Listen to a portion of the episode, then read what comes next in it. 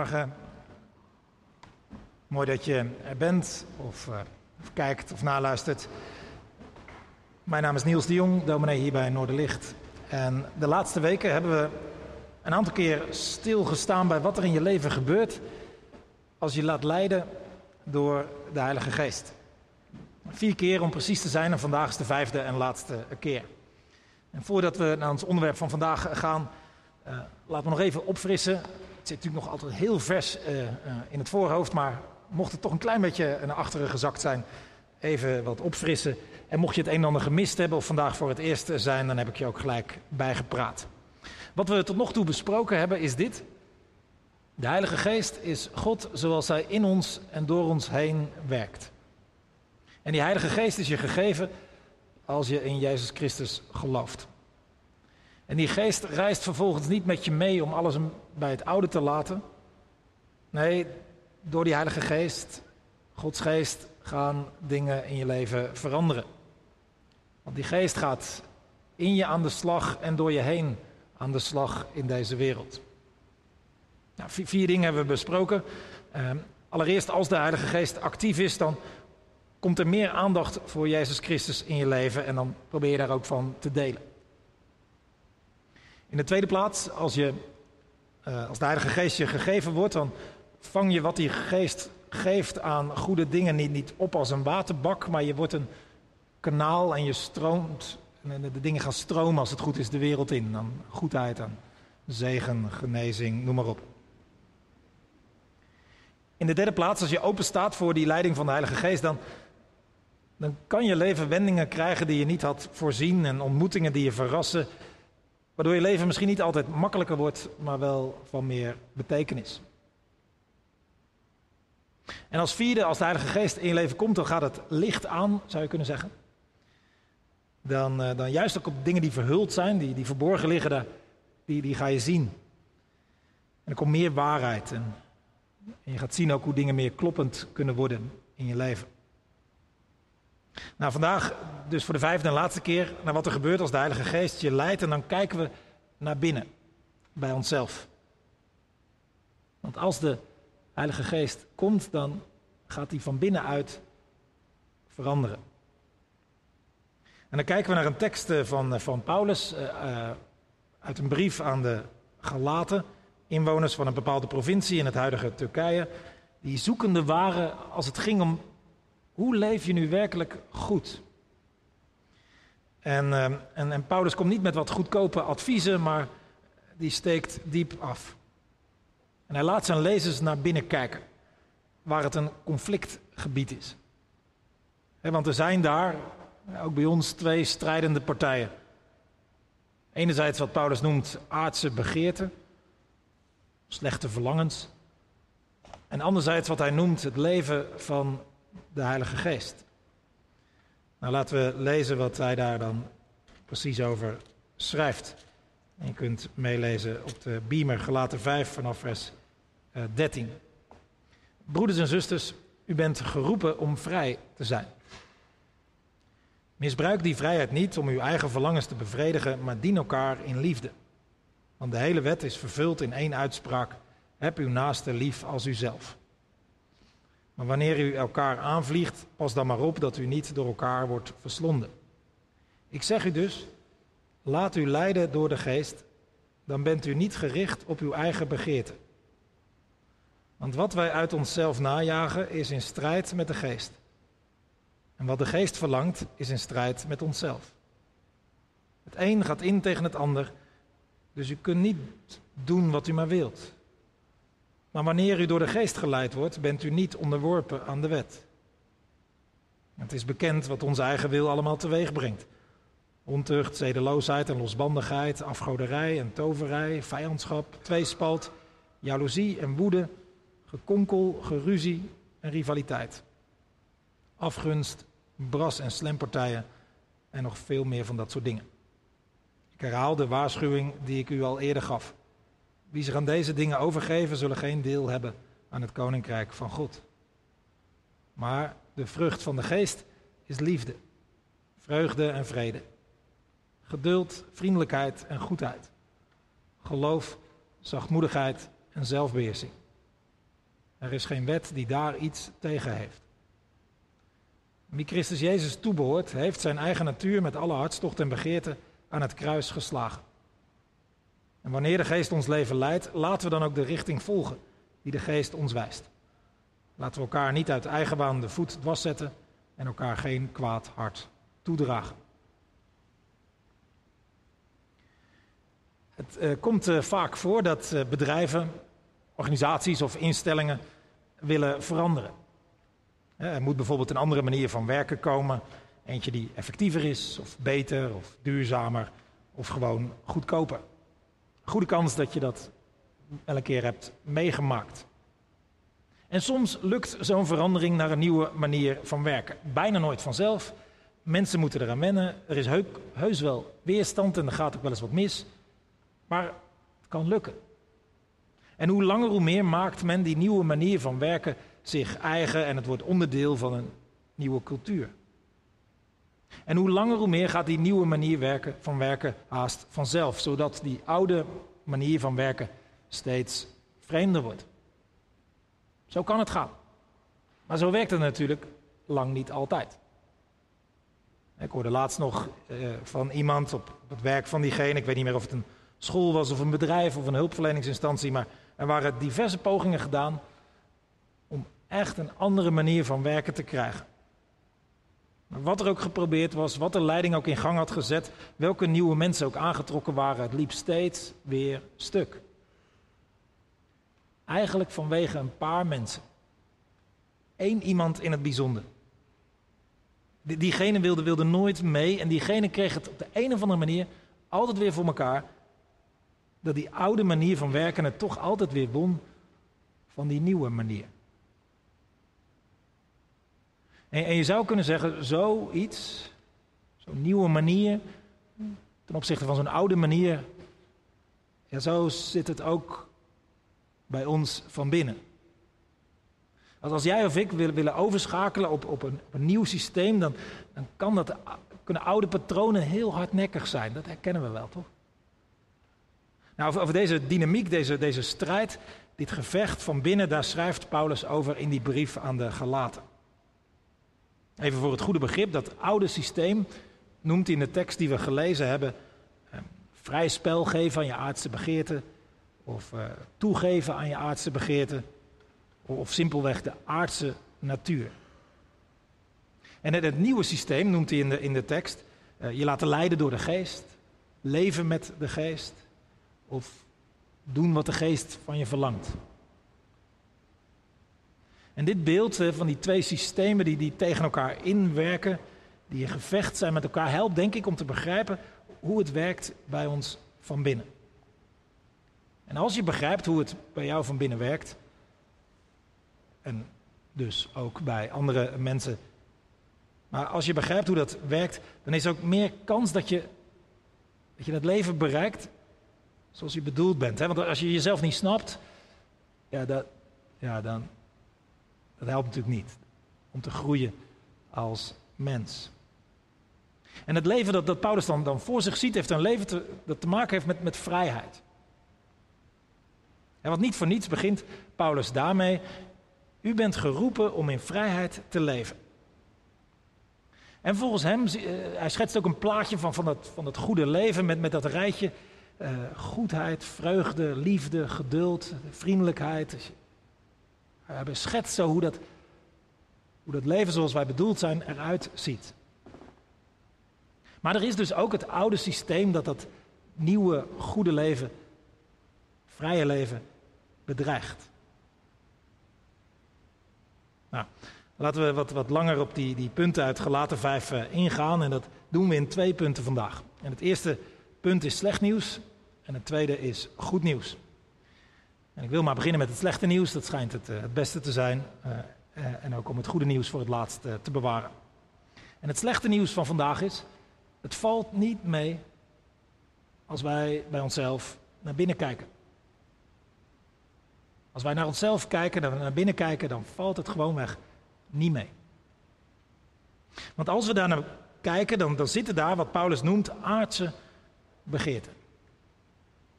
Die zitten bij jou, bij mij, bij, iedereen die je tegenkomt. Bij, bij mensen wie, de, wie dit overduidelijk is. Ook, waar, ook bij mensen waar je ja, niet zoveel verkeerds aan ziet, als het ware. Maar ze zijn er, bij ieder mens, ook bij jou en mij dus. En ze blijven er zitten. En als je jezelf goed leert kennen, dan ga je het vanzelf zien. Natuurlijk, misschien heb je een meer dan goede opvoeding gehad en zijn je allerlei goede dingen aangeleerd. Of, of, of misschien heb je, heb je een karakter of persoonlijkheid waar een heel aantal dingen, goede eigenschappen, nou ja, wat, wat, wat, wat makkelijker gaan. Of misschien eh, beweeg je in een netwerk waar, waar, vooral gezonde, volwassen mensen in zitten. En nou, gaat het daar ook makkelijker om gezond en constructief gedrag te vertonen. Maar dan nog, als je naar binnen kijkt, dan leven daar die aardse begeerten. Maar wat, wat bedoelt Paulus daar nou precies mee, met aardse begeerten? Nou, hij bedoelt een verlangen dat abnormaal sterk is. Een soort oververlangen. Het, het zijn dus geen slechte verlangens, of, of, nou het zijn wel slechte verlangens, maar niet verlangens naar slechte dingen per se. Al kan het ook. Maar het zijn vaker verlangens die, die op zich goed zijn, op het goede gericht, maar, dan in de overdrijf gaan. En dan gaat het mis. Oftewel, het zijn verlangens die te veel van het goede uh, willen. Ik, ik, zomaar wat voorbeelden die, die Paulus ook gebruikt. Hè? Bijvoorbeeld het goede verlangen naar seksualiteit. Wordt ongecontroleerd of onbeheerst en dan vliegt het uit de bocht. Of of het genieten van alcohol. Ja, wordt, wordt onbegrensd en het moet steeds vaker en steeds meer om je maar blij te kunnen voelen en blij te kunnen uiten.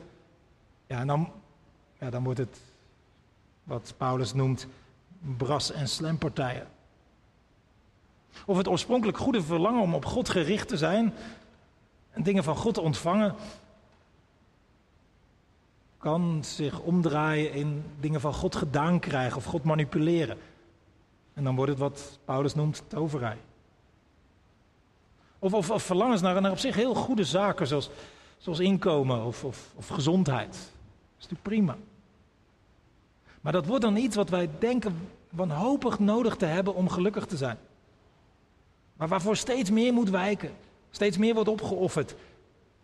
En dan wordt het wat Paulus noemt afgoderij. Of de goede wens om, uh, om een huis te hebben, onderdak en wat, wat spullen. Waar we, ja, waar we tevreden mee zouden kunnen zijn. Die, als het in die overdrijf gaat, dan, dan, dan wordt dat verlangen iets als. ik wil hebben wat hij of zij heeft. Ik wil dat ook, of, of net, net ietsje meer. En dan wordt het wat Paulus noemt jaloezie.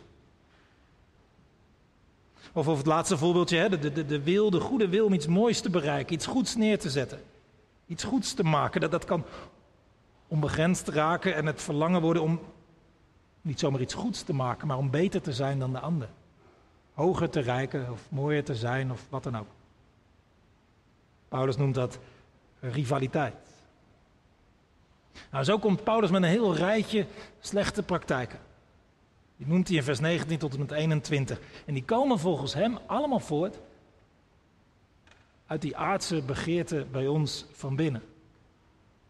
Die als je daaraan toegeeft, geen vervulling geven, maar je verteren.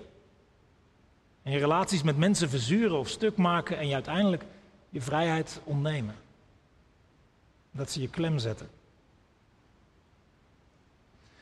En het is helemaal geen leuk rijtje natuurlijk, maar als je toch de moeite doet om, daar, eens naar te kijken, dan, dan valt op dat het, dat het dat niet, Paulus niet een bepaald rijtje of een bepaald type verkeerde dingen eruit ligt. Nee, dat is heel breed. En, en sommige dingen die, die, worden, die worden vaak ja, genoemd door bijvoorbeeld godsdienstige mensen, die ze, die, die, ze, die, ze, die ze als verkeerd zien bij, bij niet-godsdienstige mensen. Hè. Er worden losbandigheid en zedeloosheid en brasserijen en zo. Dat, dat, dingen waarin in, in godsdienstige ogen niet-godsdienstige mensen zich soms zomaar in kunnen verliezen. Maar andere dingen die Paulus noemt, die, dat zijn juist punten die, die niet-godsdienstige mensen nogal eens verwijten aan godsdienstige mensen. Dingen als gekonkel en geruzie, tweespalt en vijandschap. Maar, Paulus ja, die, die, die, die bespreekt een heel breed spectrum Hij, hij, hij zit ook niet te wegen van nou, dit is pas echt slecht of dit. Nee. Hij benoemt een heel rijtje van slechte praktijken die er bij ons kunnen zijn of komen vanwege onze aardse begeerten. Dan zeg je, ja, dat is helemaal geen vrolijk verhaal uh, vandaag. Ja, dat klopt. Dat is het ook niet. Het was slecht nieuws, had ik ook gezegd. Het is als een eerlijke diagnose, denk ik, van Paulus over wat er binnen in ons mensen leeft. Het is ook de eerlijke diagnose die de Bijbel in de breedte biedt. Met al die, die, die dingen, die, die, dat zijn een uitwerking wat je bijvoorbeeld in het eerste Bijbelboek, met, met al die verhalen, Genesis, ook ziet. Daar zie je de jaloezie van Kain richting Abel. De dronkenschap van Noach, de tweespal tussen Ezo en Jacob. Het gekonkel van Laban, de rivaliteit tussen Lea en Rachel. De ontucht van Juda. De afgunst van de broers van Jozef.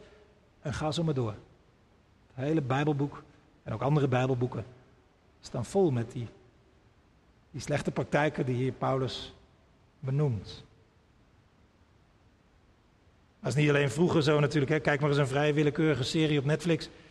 En heel wat dingen uit dat uh, rijtje van Paulus zie je langskomen. Of kijk een gemiddelde aflevering uh, van, van Shownieuws, mijn favoriete tv-programma. En de meeste dingen uit het rijtje van Paulus komen langs. En als je goed rondkijkt om je heen, kom je het ook tegen. Bijvoorbeeld in je familie, op je werk, bij vrienden, bij godsdienstige en niet-godsdienstige mensen. Dat rijtje van Paulus is verre van gedateerd. En in de diagnose van Paulus zit het probleem dus in, ons in onze aardse begeerte. En daarmee zit Paulus op een heel ander spoor dan een gerespecteerd leidinggevend figuur in onze eigen stad. Onze eigen John de Wolf. Toen het afgelopen jaar flink misging in de Kuip, tegen een niet nader te noemen club uit 020, wedstrijden die over het algemeen ook niet het beste in Rotterdammers naar boven halen. Op een keer ging het wel heel erg mis afgelopen jaar. En, en, en toen pakte John de microfoon en herhaalde keer op keer deze oplossing. Gebruik je verstand. Dat zei hij dan iets Rotterdamser, om zo maar eens even te zeggen. En dat is een oplossing die niet uniek is, die, die, die John niet zelf bedacht heeft, maar die je heel vaak kunt horen. Gebruik gewoon je verstand. Die oplossing schiet tekort, omdat de diagnose erachter te makkelijk is niet klopt. Het zit niet vast op een te weinig gebruiken van het beschikbare verstand. Het probleem zit veel dieper, zoals Paulus betoogt. Het probleem zit in de aardse begeerten die van binnen leven. En als dat probleem er blijft, als dat niet aangepakt wordt, dan komt er onherroepelijk gedonder van.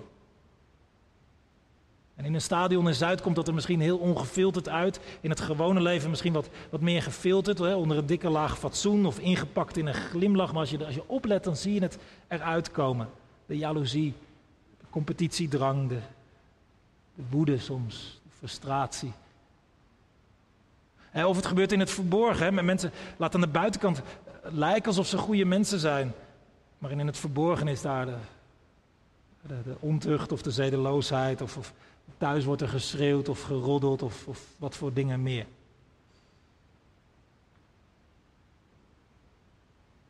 En misschien denk je, ja, dat het, ik heb toch een beetje moeite mee dat het zo, met deze diagnose, wat, wat, er zijn toch gewoon heel veel goede mensen. Er zijn allerlei mensen die er gewoon, prima zijn, toch? En niet volmaakte zo, maar, maar, de meeste mensen deugen, toch? Ja. Ja, onder goede omstandigheden. Met de wind mee. Dan, uh, dan deugen de meeste mensen, ja. En daar valt het nog wel mee met wat eruit komt. Maar, maar, maar kijk wat er in Frankrijk gebeurt. Hè? Als de vlam in de pan slaat, waar gewone mensen dan toe in staat zijn. Of ga maar na wat er in extreme omstandigheden in, in een oorlog gebeurt. De grofste misdaden door gewone mensen. Ga maar na wat mensen doen als ze in het nauw zitten. Dan maken ze soms echt hele rare sprongen. Ga maar na wat, wat mensen doen als ze de gelegenheid, de macht of het geld opeens hebben. Gaan ze soms vrij snel echt naar gedrag vertonen. En ga maar na bij jezelf als de druk opgevoerd wordt. Als er tegenslagen zijn, als beloftes niet worden nagekomen, als er onrecht gebeurt. Voel je het dan niet van binnen? Koken? Voel je dan niet de dingen, de afgunst, de woede, de vijandschap? Kun je dan niet opeens ontploffen en nagedrag vertonen? Daarom ben ik geneigd te denken, niet zozeer omdat Paulus het zegt, maar omdat het in de Bijbel is terechtgekomen. Deze diagnose van Paulus. Misschien niet leuk, maar het kan wel eens de juiste zijn.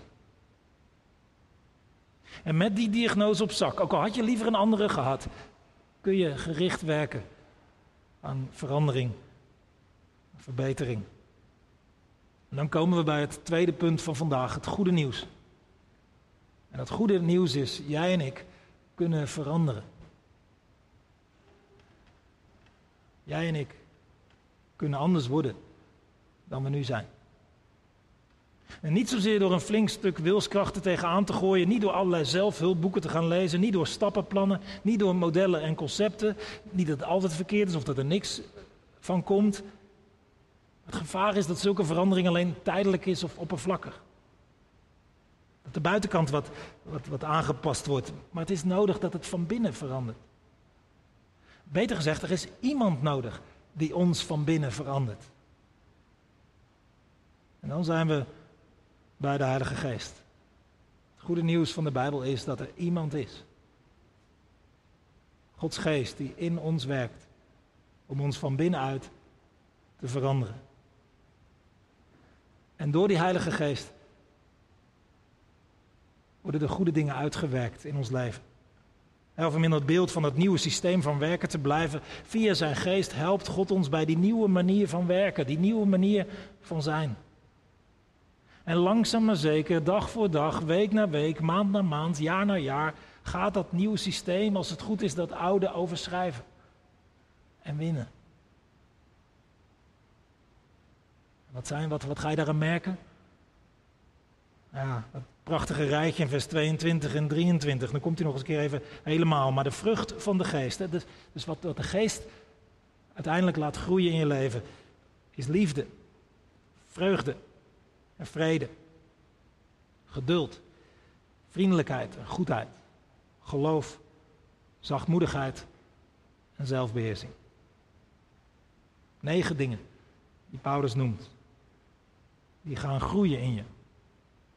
Maar expres noemt hij het een enkelvoud. De vrucht van de geest. Het, het is als een sinaasappel. Hè? Allemaal, allemaal stukjes, maar één vrucht. En dat beeld van die ene vrucht, negenvoudig misschien, maar bij die ene vrucht, daar zit, veel in. En ik noem er zo maar kort even een paar. Hè. Als een kleine sinaasappel groeit in, en, en verandert in een wat grotere sinaasappel, dan, dan, dan groeien al die stukjes. Het is niet zo dat één partje heel, heel erg kan groeien en, en de rest allemaal klein kan blijven. Dat, dat, dat kan niet. Zo is dat ook in ons. Dus als je denkt, nou, de, de drie, vier, vijf dingen, die zie ik wel zitten. Ik hoop dat die groeien en de rest kan misschien klein blijven. Of dat is dan maar zo. Nee, dat kan niet. Als de geest in je werkt, al deze negen vlakken, komt er groei.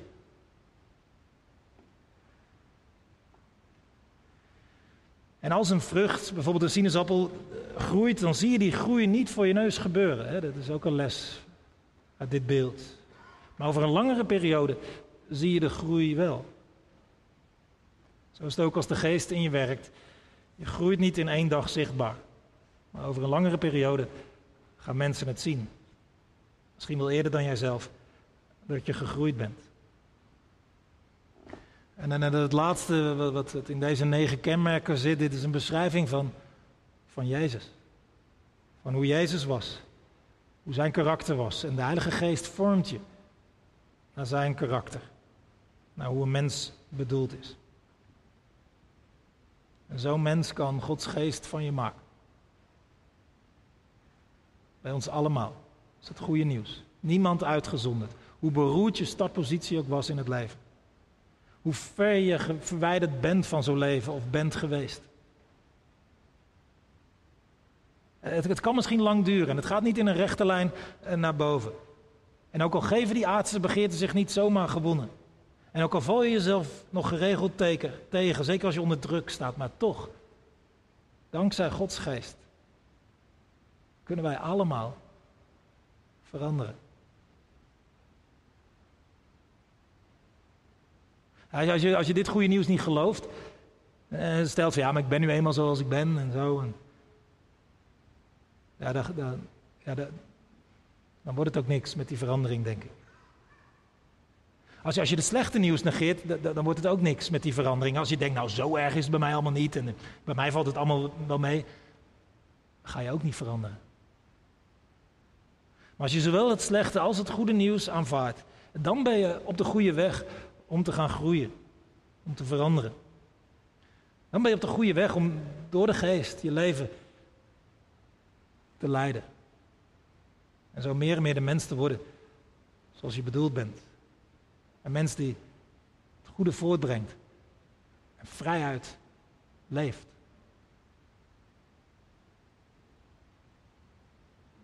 Nou wat dan nog helpt in dit, dit veranderingsproces is, is het nemen van, van een besluit. Dat zit ergens ook achter, achter deze tekst van Paulus. Om te kiezen voor een leven door de Heilige Geest. En zo de vrucht, die vrucht in je te laten groeien. Er zit een keuze aan ten grondslag.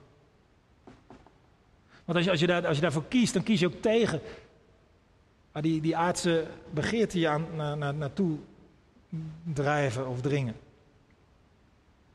En Paulus zegt heel sterk, dat, dat, moet je niet doen, dat moet je niet aan toegeven. Hij zegt zelfs, die, die, die begeerte die moet je kruisigen, zegt hij. Die moet je een beetje ommantelen, die moet je de nek omdraaien, die moet je, je helemaal niet lievenaardig tegen zijn, die moet je ommantelen, kruisigen. Afrekenen. Zoals onkruid dat opkomt. Hoe eerder je dat eruit trekt, hoe makkelijker het gaat. Als je dat maar laat groeien en groeien en groter laat worden, kost het veel meer moeite. Gelijk eruit halen, dat onkruid. Zodat de goede dingen ook veel meer ruimte krijgen om te groeien. Ik zei dat dit, dit veranderingsproces vereist het nemen van een besluit. Maar misschien is het wel beter om te zeggen met C.S. Lewis, een van mijn favoriete schrijvers, dat het, dat het niet gaat om een eenmalig groot besluit. Maar dat we dit besluit voortdurend maken als het goed is. Het zijn al onze kleine beslissingen bij elkaar. Want elke kleine beslissing stuurt ons ofwel de ene ofwel de andere kant op. Daarom zijn de keuzes van elke dag zo belangrijk.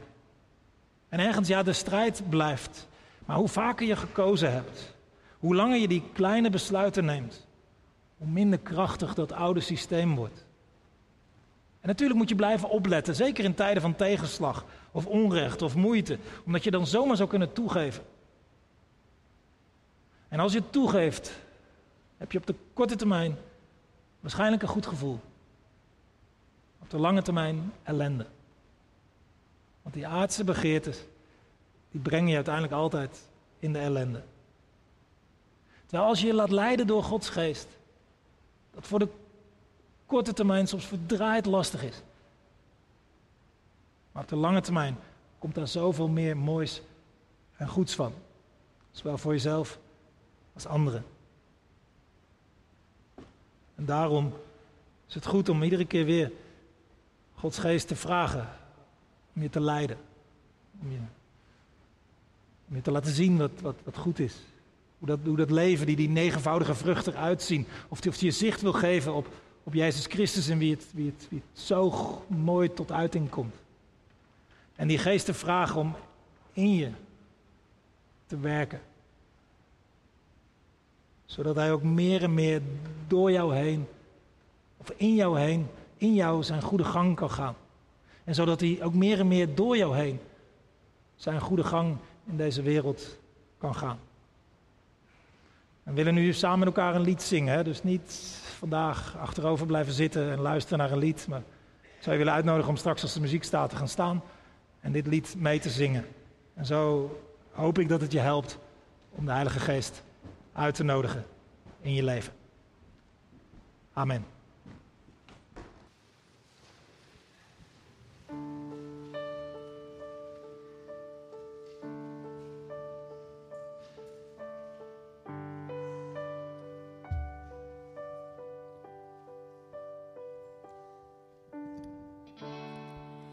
There's nothing worth more that will ever come close. Nothing can compare. You're our living hope. Your presence,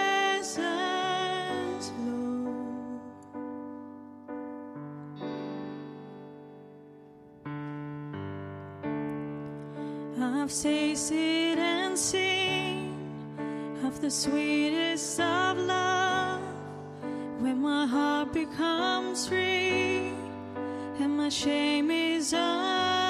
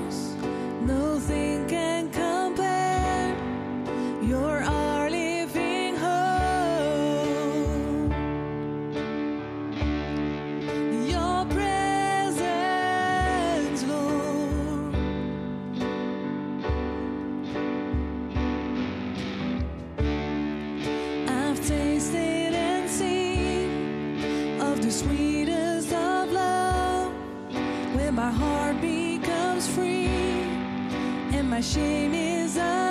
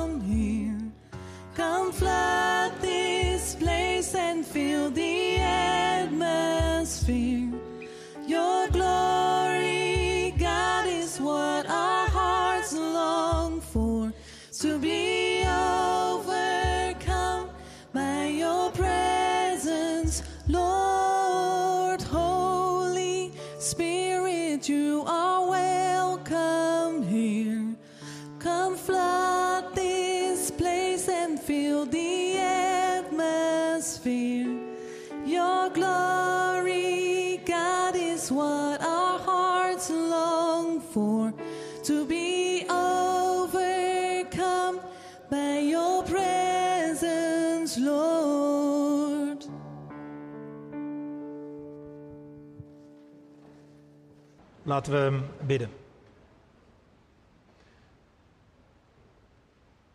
Heer God, maak ons meer bewust van uw geest. Waar die ons heen wil leiden. Dat we het opmerken. Wat die geest van binnen ons wil uitwerken. Welke kant hij ons op wil hebben, wat, wat hij wil laten groeien. Geef dat we het meer en meer merken. Die, die nieuwe manier. Goede manier. Die manier van leven die ervoor zorgt dat we ons niet hoeven te schamen. Dat, die, niet, die ervoor die, die niet leidt tot allerlei ellende. Tot allerlei dingen waar we spijt van krijgen. Maar die nieuwe manier van uw geest die leidt tot zoveel goeds. Geef dat, dat die nieuwe manier ons, ons meer en meer komt te liggen. Dat we die meer en meer ons eigen kunnen maken. Dat we veranderen.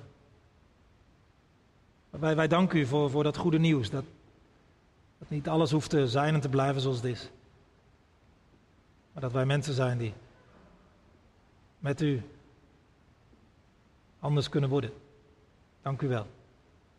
Wij danken u ook voor dat, dat, dat eerlijke verhaal in de Bijbel. Dat, u niet zegt dat het allemaal met ons wel meevalt, maar dat u eerlijk bent en dat die diagnose misschien scherp is. Maar goed, omdat u het beste met ons voor heeft. Dank u wel. En help ons te zien hoe dat dan werkt bij ons. Bij welke aardse begeerte er dan precies bij ons zitten waar we het meest last van hebben. Help ons die te ontmantelen, daar nee tegen te zeggen. En het goede van uw geest meer en meer ruimte te geven. Wij bidden u. Voor uw geest ook, voor de mensen om ons heen. Steeds meer mensen ontdekken hoe u in en door mensen heen wil werken. Dat steeds meer mensen daarvoor openstaan. Voor uw aanwezigheid, uw werk. Wij bidden u voor de wereld waarin wij leven. Voor ons eigen land. Als er een kabinet is gevallen en dat geeft altijd een hoop gedoe en onzekerheid. Of dingen komen misschien stil te liggen. Of, terwijl die eigenlijk aangepakt moeten worden. En, maar we bidden u, Heer, dat het zich ten goede keert. Zegen ons land en geef ons goede leiders. We bidden u voor een land wat verderop, wat ook vaak in het nieuws is, de laatste tijd Frankrijk, waar de problemen groot zijn en de onrust groot. We bidden u om vrede, rust en dat de problemen ook op een goede manier worden aangepakt. Geef goede leiders ook daar. We bidden u voor de Oekraïne, Rusland, voor herstel, voor vrede, voor recht. We bidden het u voor het Midden-Oosten, voor sommige landen in Afrika waar het, uit de hand aan het lopen is. Andere plekken in deze wereld. Wilt u mensen veranderen? Dat ze niet zomaar toegeven aan het eerste het beste wat in hen opkomt. Dat steeds meer mensen zich willen laten leiden door uw geest. Dan groeien de goede dingen. Zo leggen we de grote dingen aan u voor, de kleine dingen.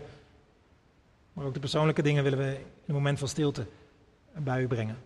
Iets waar we u voor willen danken of juist om willen bidden.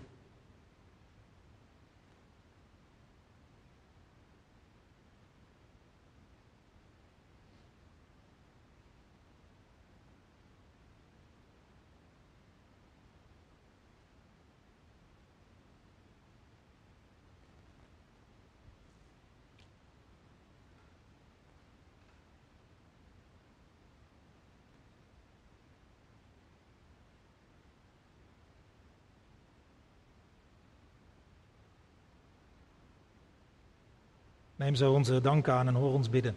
In de naam van Jezus Christus. Amen.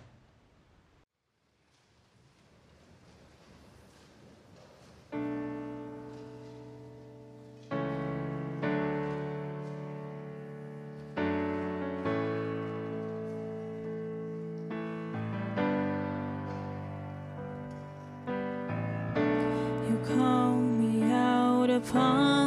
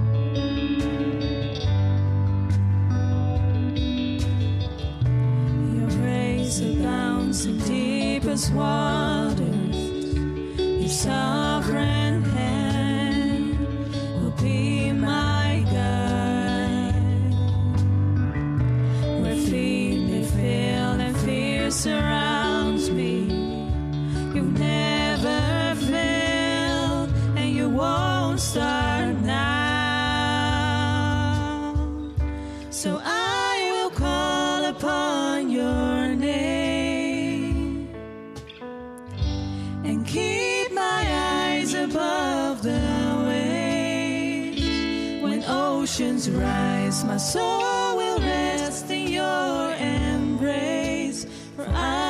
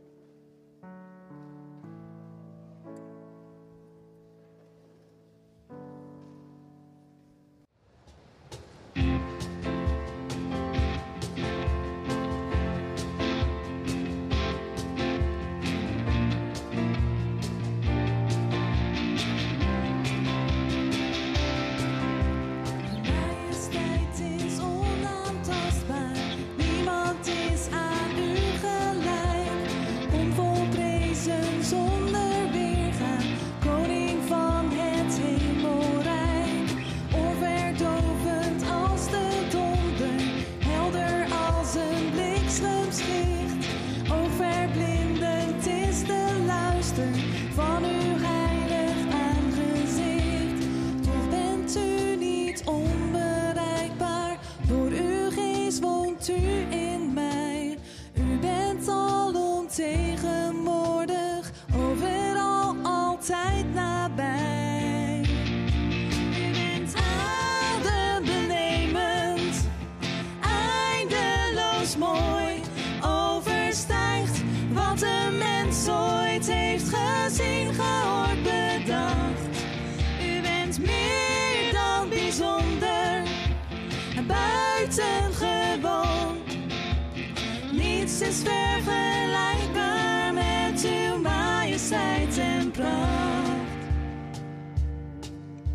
Werken zijn verbazing.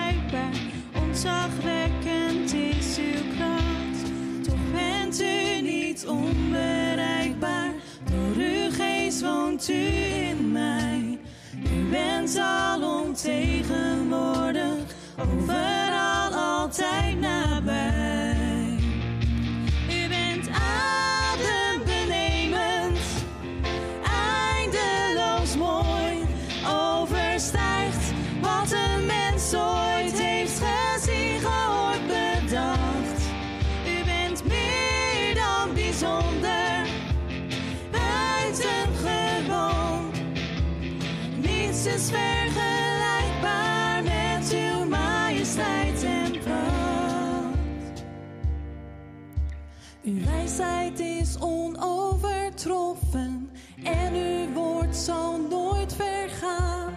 Uw rechtvaardigheid onvergaan.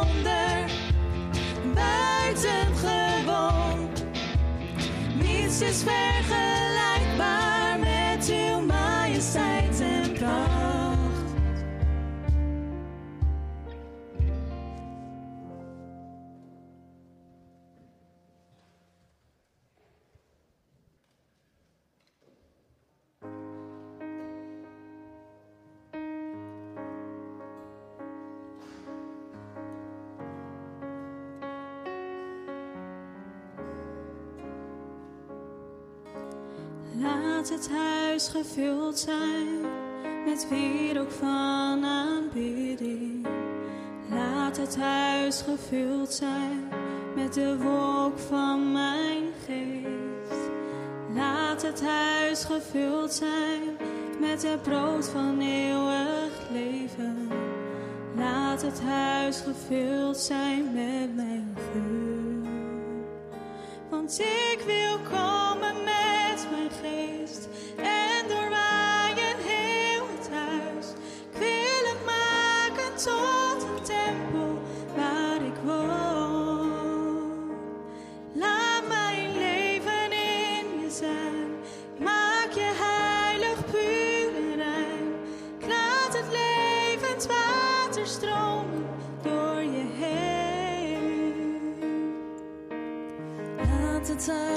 Kleed zijn met kleden van fijn linnen.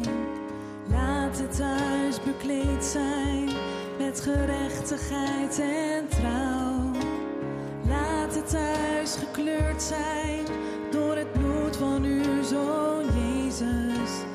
Laat het thuis gereinigd zijn en schoon. Want u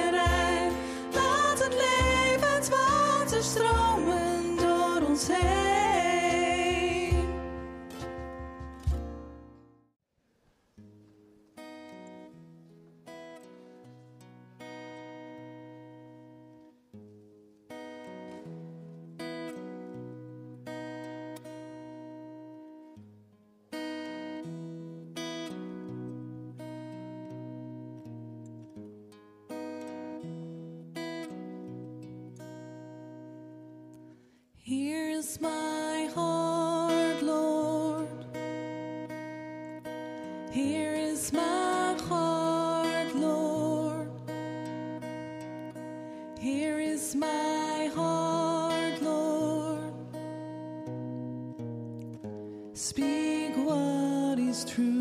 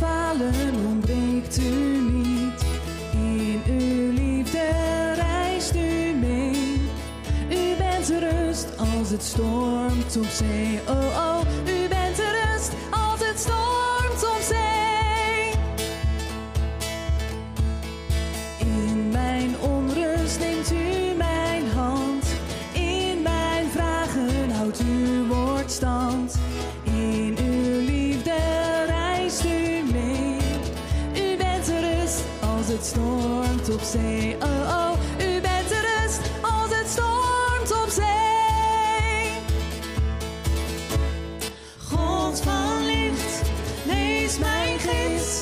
Leid mij door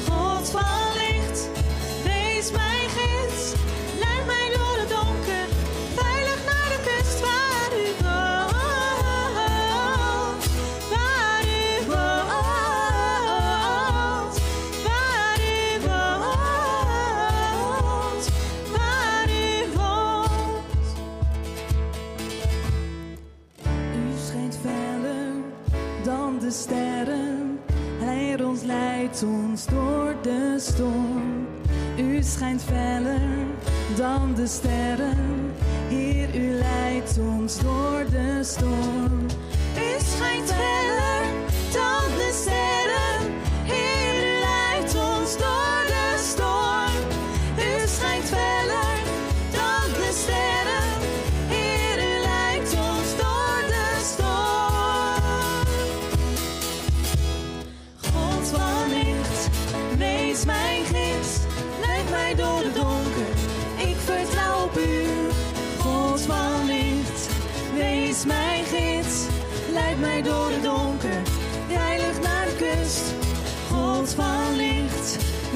Wees mijn gids.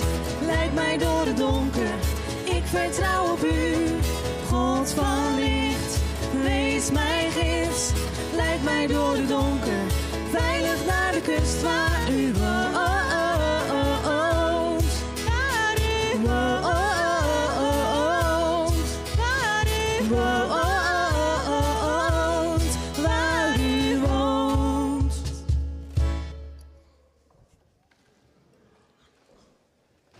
Natuurlijk eh, welkom eh, in de tuin voor eh, koffie, thee. En er is ook, als je nieuw bent voor het eerst, is ook een tafel met een vlag als het goed is. Waar je ook wat info kan, kan krijgen als je wil. Links achterin is de gelegenheid om ergens voor te bidden. Iets van jezelf of een ander. En rechts achterin dus als je nog een goed boek zoekt. Misschien ligt er wat voor je gading bij. Voor nu en de komende tijd, wie je ook bent, waar je ook heen gaat. waar je ook voor staat. Ga in ieder geval niet zonder de zegen van de Heer. De Heer zij voor je om je de weg te wijzen. De Heer zij naast je om met je mee te gaan van stap tot stap. De Heer zij onder je om je op te vangen als je struikelt. Rondom je om je te beschermen tegen de boze. In je om je te troosten en boven je om je te zegenen. En zo zegenen de Heer vandaag, morgen en voor altijd. Amen.